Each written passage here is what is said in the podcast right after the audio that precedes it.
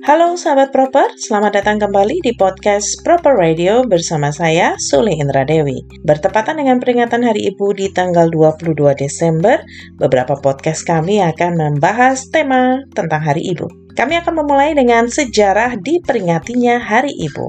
Mengutip dari kompas.com, dosen Departemen Sejarah Universitas Gajah Mada, Dr. Mutia Amini mengatakan, sejarah peringatan Hari Ibu tidak bisa dilepaskan dari penyelenggaraan Kongres Perempuan Indonesia ketiga pada tanggal 22 hingga 27 Juli tahun 1938 di Bandung. Sebab salah satu hasil kongres tersebut yaitu memutuskan bahwa pada setiap tanggal 22 Desember akan diperingati sebagai Hari Ibu. Tanggal 22 Desember dipilih sebagai Hari Ibu karena bertepatan dengan diselenggarakannya Kongres Perempuan pertama pada 22 Desember tahun 1928.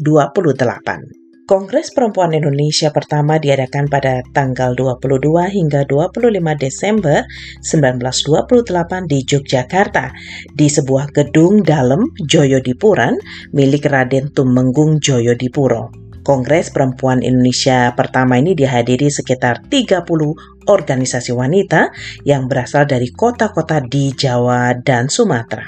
Sejumlah tokoh penting di balik Kongres Perempuan pertama adalah Suyatin, Nyi Hajar Dewantoro, dan R.A. Sukonto.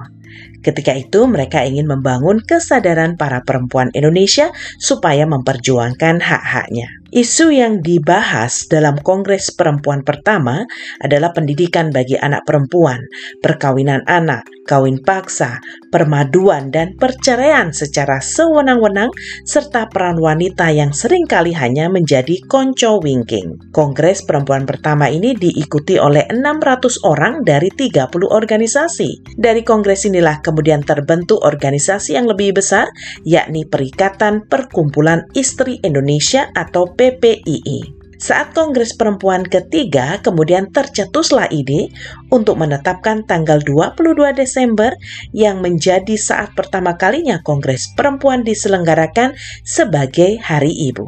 Sampai bertemu pada podcast-podcast kami selanjutnya. Stay tune di Proper Radio. Sampai jumpa.